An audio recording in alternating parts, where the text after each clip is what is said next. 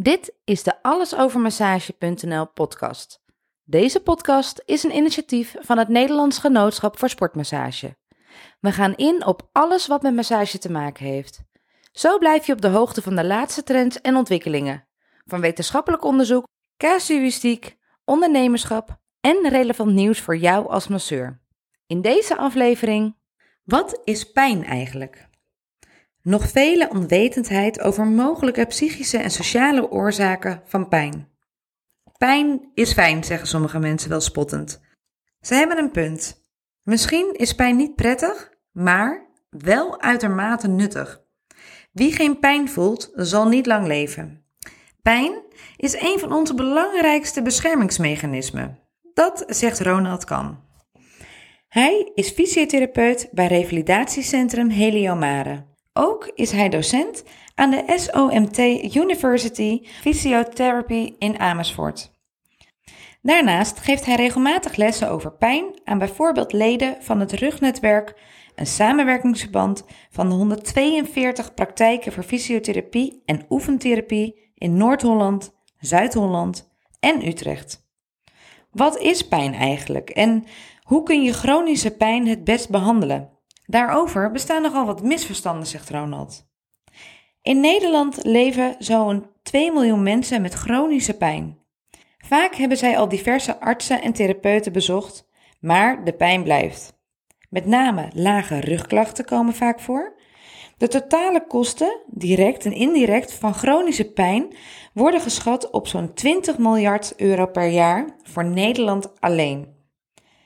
Een deel van de mensen met chronische pijn heeft een aanwijsbare fysieke klacht. Dat kan bijvoorbeeld een reumatische aandoening zijn of kanker. Maar bij een aanzienlijk deel zijn geen biomedische oorzaken te vinden voor hun pijn.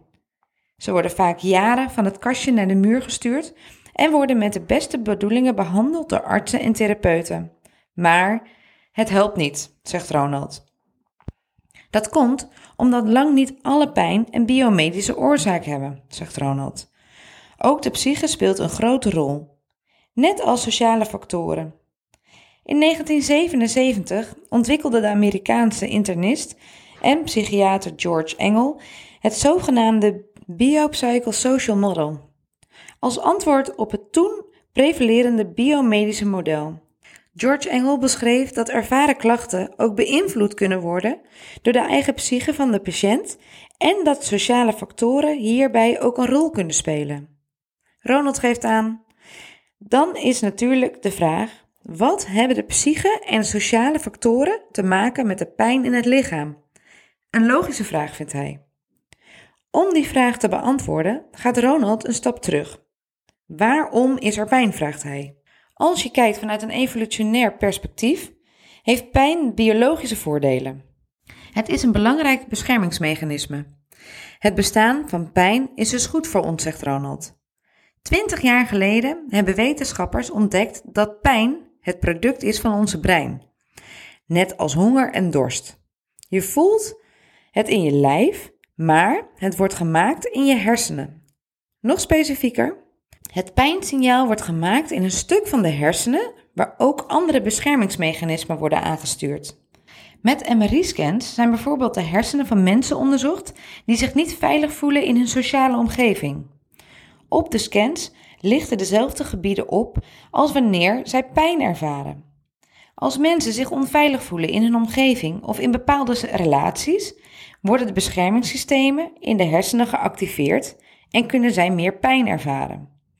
Ronald ziet veel patiënten in heliomare met chronische pijn. Als je in de geschiedenis duikt van patiënten zonder aangetoonde biomedische oorzaak van hun pijn, schrik ik vaak, want ze allemaal hebben meegemaakt in hun leven aan onveiligheid. Hun beschermingssysteem is zo alert dat het bij het minste of geringste geactiveerd wordt en pijn gaat afgeven. Natuurlijk geldt dit niet voor alle patiënten. En is het ook niet zo dat iedereen die in een sociale onveilige situatie zit of heeft gezeten, chronische fysieke pijn ervaart. Maar het kan een oorzaak zijn. Ronald heeft het tot nu toe gehad over het sociale aspect van het pijnmodel. Het psychische aspect werkt eigenlijk op dezelfde manier. Alleen is nu niet de sociale omgeving het gevaar, maar de patiënt zelf. Mensen die heel perfectionistisch zijn, bijvoorbeeld, of die al hun energie besteden aan andere mensen en zichzelf wegcijferen. Dat zijn vaak mensen die ook chronische pijn hebben. Nogmaals, dat geldt niet voor iedereen. Maar ook bij deze mensen gaat het beschermingssysteem aan. Wat kan leiden tot pijn? Ook al bestaat het pijnmodel al bijna 50 jaar. Ronald en zijn collega's zien nog steeds veel onwetendheid bij behandelaars en patiënten.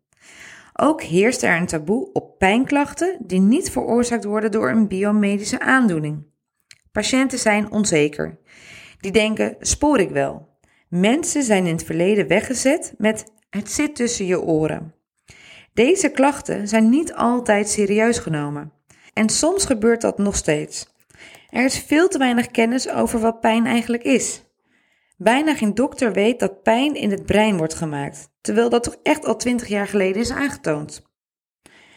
Revalidatie. Andersom geldt dat trouwens hetzelfde. Artsen en andere behandelaars moeten heel voorzichtig zijn in het overbrengen van de boodschap dat de pijnklachten wellicht niet voorkomen uit biomedische klachten, maar uit psychische of sociale. Soms accepteren patiënten die uitleg niet. Daarom is het ontzettend belangrijk dat er in de opleidingen van artsen, fysiotherapeuten en andere paramedici meer aandacht voor het biopsychosociaal model komt. En ook voor communicatie daarover met de patiënt. Zodat behandelaars zich bekwaam voelen om het onderwerp aan te snijden.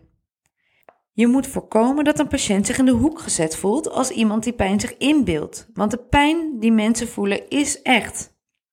Het team van Ronald in Heliomare behandelt per jaar zo'n 500 mensen met chronische klachten.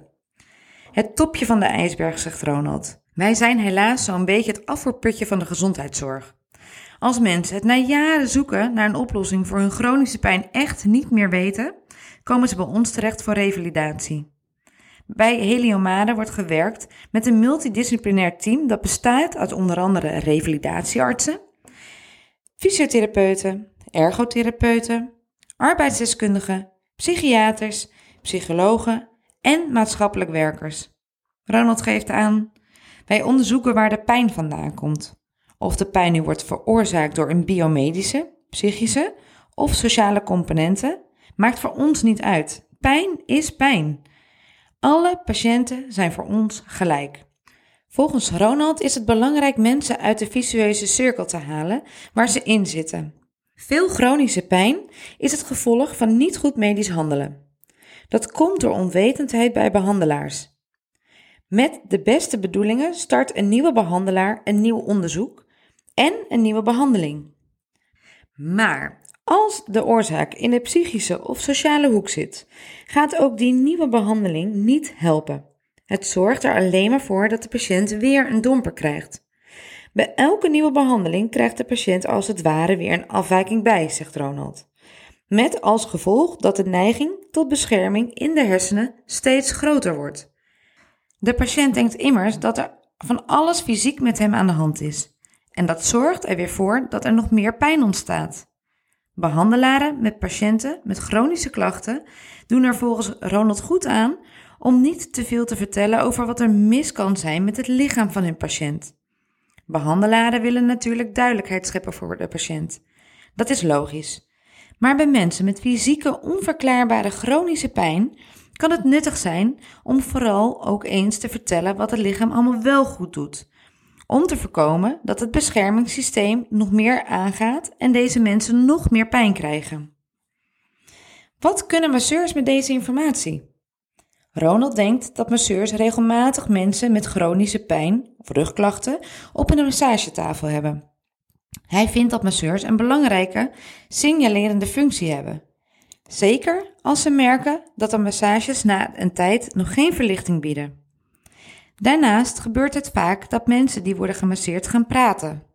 Vaak bouwen masseurs en cliënt een vertrouwensband op. Als je je er bekwaam in voelt, kun je als masseur het gesprek wellicht wat sturen richting de sociale omgeving van de cliënt of naar de psyche van de cliënt zelf. Als je een vermoeden hebt dat de pijn daar wel eens vandaan zou kunnen komen, is het raadzaam om de cliënt door te sturen naar de huisarts. Wie is Ronald Kan? Ronald Kan is fysio- en manueel therapeut. Hij werkt sinds 1986 bij revalidatiecentrum Heliomare. Hij werkt daar onder andere met patiënten met chronische pijn. Daarnaast is Ronald sinds 2005 docent bij SOMT University of Physiotherapy in Amersfoort. Hij studeerde fysiotherapie aan de Hogeschool Groningen en haalde in 2013 zijn Master Clinical Health Service aan de Universiteit Utrecht. Ronald geeft regelmatig pijneducatie aan paramedische behandelaren. Bedankt voor het luisteren. Abonneer je nu snel bij Apple Podcast en Spotify om als eerste de nieuwe afleveringen te horen. Tot de volgende keer.